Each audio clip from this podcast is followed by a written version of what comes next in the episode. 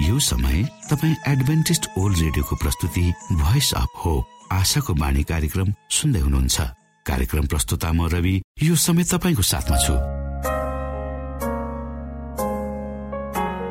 मानिस जातिमा देखाइएको परमेश्वरको प्रेम र अनुग्रह तपाईँसँग बाँड्ने उद्देश्यले प्रस्तुत कार्यक्रम तपाईँको आफ्नो प्रिय कार्यक्रम आशाको बाणीमा यहाँलाई हामी न्यानो स्वागत गर्दछौ। आशाको बाणीको आजको प्रस्तुतिबाट पनि तपाईँले परमेश्वरसँग नजिक रहेको अनुभूति गर्नुहुनेछ भनेर हामी आशा राख्दछौ। आउनु श्रोता यो मधुर भजनसँगै हामी हाम्रो मुख्य कार्यक्रमतर्फ लागौ।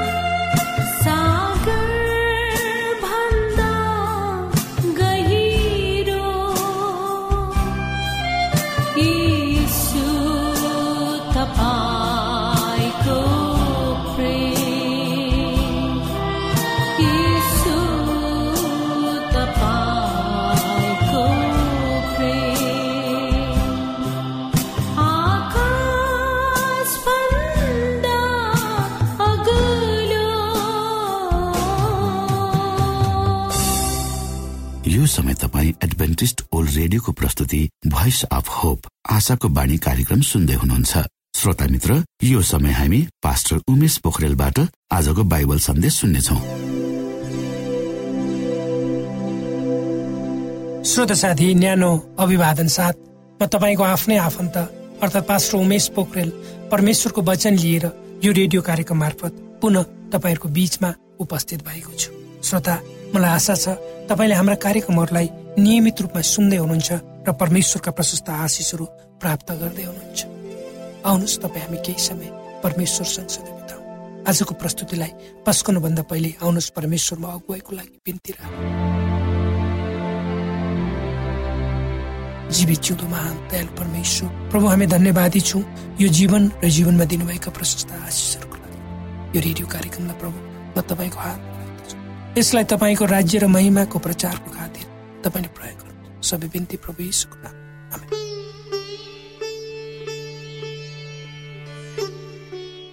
श्रोत साथी जर्ज वासिङटन संयुक्त राज्य अमेरिकाका राष्ट्रपति जसले आफ्नो कार्यकाल सुरु गर्नुभन्दा अगाडि आफ्नो हात पवित्र बाइबल धर्मशास्त्रमाथि राखी शपथ खाए र उनले भने म कसम खान्छु। मलाई मद्दत गर्नुहोस् परमेश्वर। त्यसपछि उनले सम्मानपूर्वक पवित्र शास्त्रलाई चुम्बन गरे भनेर भनिन्छ। उनले आफ्नो कार्यकालको सुरुको भाषणमा आफूलाई परमेश्वरको अगुवाई चाहिन्छ भनेर परमेश्वरमा आफ्ना कुरा राखे। त्यस बेला निश्चय नै स्वर्गमा ठुलो उत्सव मनाइएको हुनुपर्छ।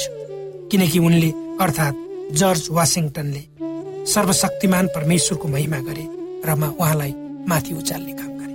आफ्नो कार्यकालको सुरुको भाषणबाट उनले सारा देशलाई भने कि सबैले अनन्तको नियम कानुन व्यवस्था र अनुशासनमा हिँड्नुपर्छ पालन गर्नुपर्छ। त्यसलाई सम्मान गर्नुपर्छ। परमेश्वरको आशिष बिना कुनै पनि देश अगाडि बढ्न वा समुन्नतिमा बढ्न सक्दैन यही सन्दर्भमा पवित्र धर्मशास्त्र बाइबलको यसै या बयालिस अध्यायको स्वर पदमा परमेश्वर भन्नुहुन्छ। म अन्धकारहरूलाई तिनीहरूले नचिनेको बाटोमा डोर्याउनेछु। तिनीहरूले नजानेको बाटोमा म तिनीहरूलाई बाटो देखाउँदै लानेछु। म तिनीहरूका अघि अँध्यारोलाई उज्यालो र खाल्टा खुल्टी ठाउँलाई सम्म बनाउनेछु। यी कामहरू म गर्नेछु। म तिनीहरूलाई त्याग्ने छैन।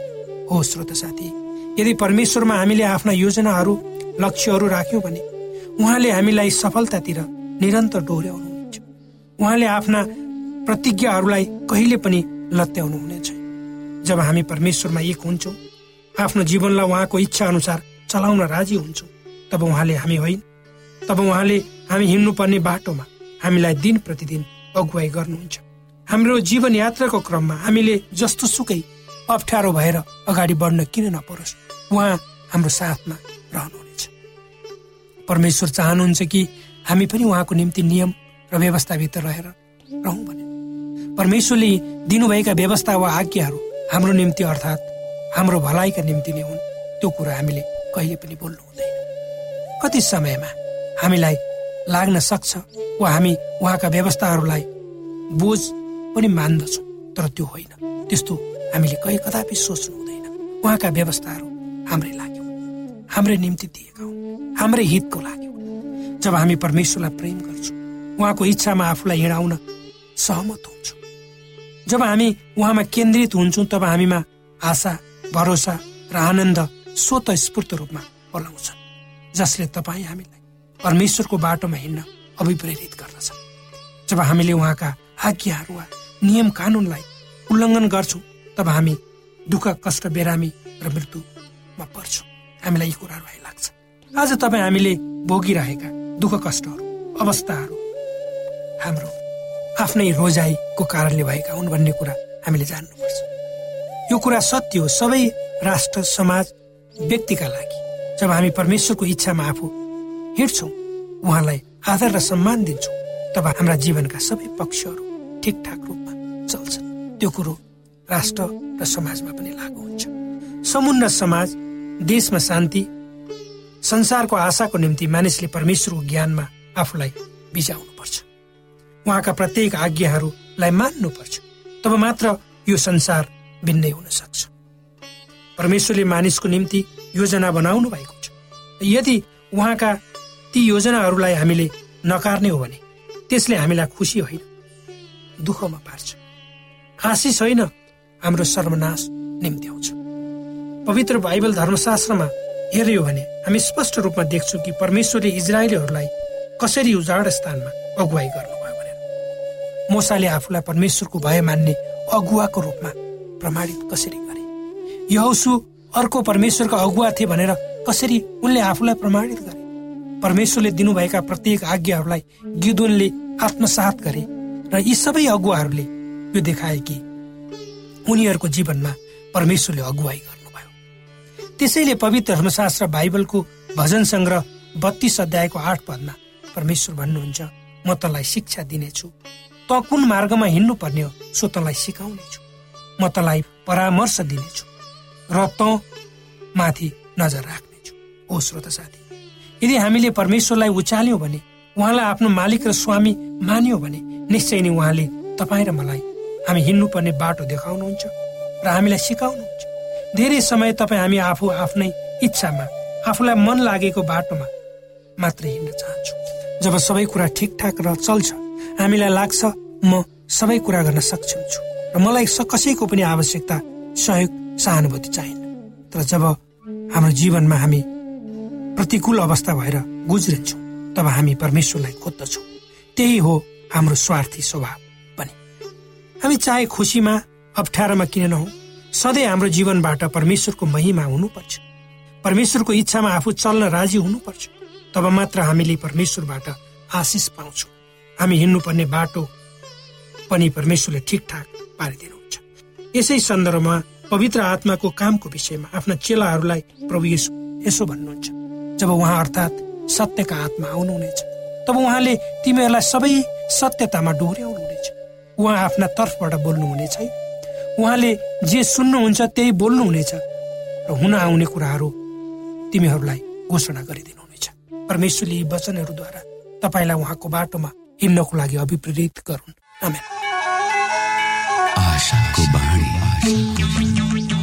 श्रोता भर्खरै यहाँले पास्टर उमेश पोखरेलबाट बाइबल वचन सुन्नुभयो। यो समय तपाईँ एडभेन्टिस्ट ओल्ड रेडियोको प्रस्तुति भोइस अफ होप आशाको बाणी कार्यक्रम सुन्दै हुनुहुन्छ। कार्यक्रम सुनेर बस्नुहुने सबै श्रोतालाई हामी हाम्रो कार्यक्रममा स्वागत गर्न चाहन्छौ। श्रोता मित्र यदि तपाईँ जीवनदेखि हरेस खानु भएको छ तपाईँका जीवनमा धेरै अनुत्तरित प्रश्नहरू छन् भने आउनुहोस् हामी तपाईँलाई परमेश्वरको ज्योतिमा डोहोऱ्याउन चाहन्छौ। र तपाईँ आफ्नो जीवनका चिन्ता फिक्रीबाट निश्चिन्त हुनुहोस् र बाँच्नुको आनन्द परमेश्वरको सामिप्यमा कति मिठो हुन्छ त्यो चाख्नुहोस् भनी हामी चाहन्छौँ। श्रोता यदि तपाईँ आशाको बाणी कार्यक्रमलाई अनलाइन सुन्न चाहनुहुन्छ वा डाउनलोड गर्न चाहनुहुन्छ भने डट ओआरजीमा जानुहोस्। त्यहाँ तपाईँले प्रत्येक दिनको कार्यक्रम सुन्न र डाउनलोड गर्न सक्नुहुनेछ। हाम्रो वेब पेज यस प्रकार छ डब्लु डब्लु डब्लु डट श्रोता यदि तपाईँ हामीसित सिधै फोनमा सम्पर्क गर्न चाहनुहुन्छ भने हाम्रा नम्बरहरू यस प्रकार छन्। अन्ठानब्बे एकसाठी पचपन्न शून्य एक सय बिस। अन्ठानब्बे एकसाठी पचपन्न शून्य एक सय बिस। र अर्को अन्ठानब्बे अठार त्रिपन्न पन्चानब्बे पचपन्न। अन्ठानब्बे अठार त्रिपन्न पन्चानब्बे पचपन्न।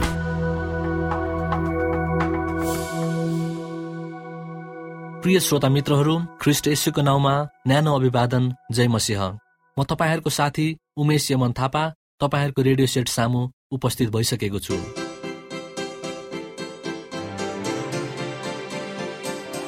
प्रिय श्रोता मित्रहरू जब हामी बोसो तथा तेलको बारेमा विचार गर्दछौँ तब हामी यी कुराहरूलाई धन दौलत स्वादिष्ट भोजन तथा असल समयसँग जोड्ने गर्दछौँ।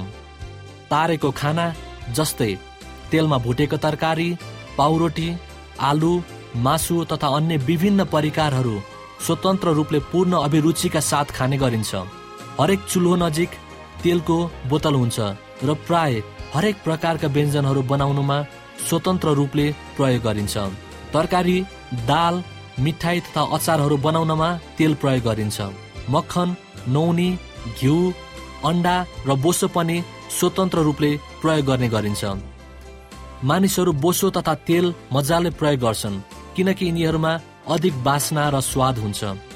र यिनीहरूलाई खाइसकेपछि सन्तुष्टिको अनुभूति पनि मिल्दछ। मानिसहरू आनन्द लिँदै यही असल जीवन हो भन्ने गर्दछन्। के वास्तवमा यही असल जीवन हो त? बोसो के हो र के के को लागि प्रयोग गरिन्छ त? हामीलाई कुन मात्रामा यसको आवश्यकता पर्दछ?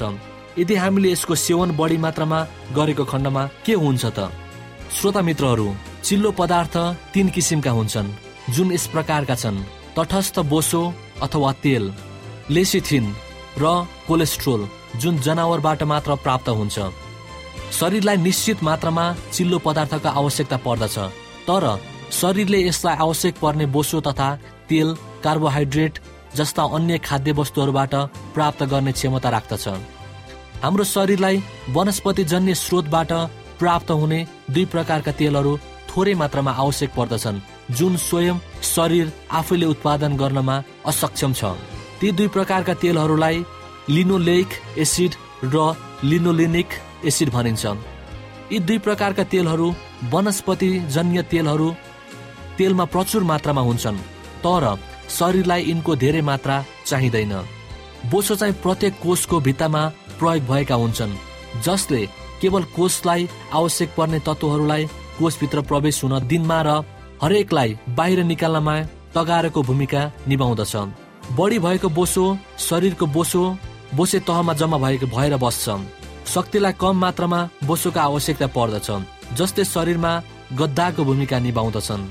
शरीरलाई रक्षा गर्दछ तथा शरीरमा इन्सुलेसन चिसोबाट बचाउने काम गर्दछ यद्यपि अत्याधिक बोसो चाहिँ जड्ने पिठ्यु भित्री अङ्गहरू गोडा तथा शरीरका हरेक भागहरूमा बोझ बन्न पुग्दछन्।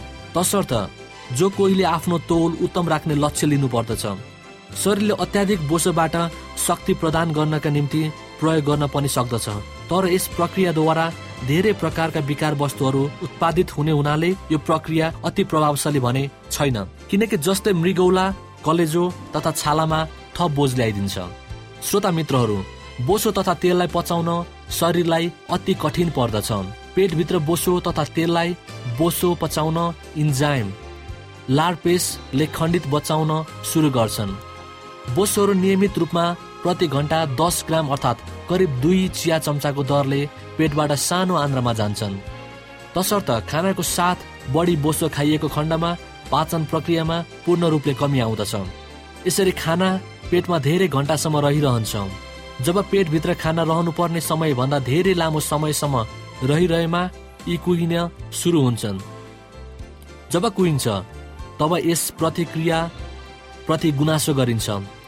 तब कैयौँ पटक कुनै व्यक्तिले यसलाई भोक भनी अर्थ लगाउँदछन् र अरू बढी खाना खान्छन्।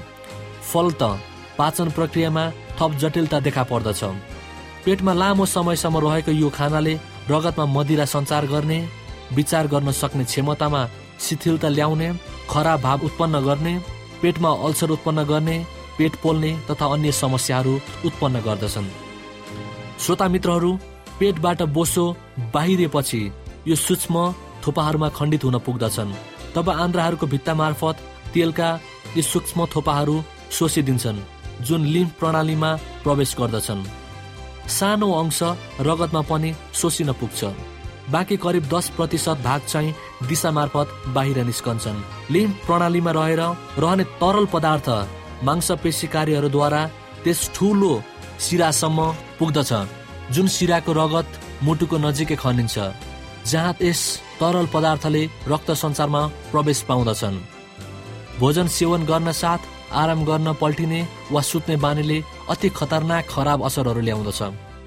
जब कुनै व्यक्ति आराम गर्नको लागि पल्टने गर्दछ तब बोसो पच्ने प्रक्रिया चलिरहेको हुन्छ र यसरी लिम्फमा रहने तरल पदार्थमा सोसिने क्रम सुरु हुन्छ। तब तिनीहरू उठेर हिन्डुल गर्न थाल्छन्। तब लिम्फ प्रणालीमा रहेको सबै बोसो अति तीव्रताका साथ मुटुमा जम्मा हुन पुग्छन् जसले मुटुमा रहेको रक्तनलीहरूलाई कडा पार्ने स्ट्रोक हृदयघात जस्ता मुटुका धेरै समस्याहरू उत्पन्न गर्ने गराइदिन्छ। श्रोता मित्रहरू यदि हामी यस प्रक्रियालाई रोकथाम गर्न चाहन्छौँ भने खाना खाइसक्नु साथ केही हल्का प्रकारका काम गर्नु वा हिँड्नु बुद्धिमानपूर्ण कार्य हुनेछ।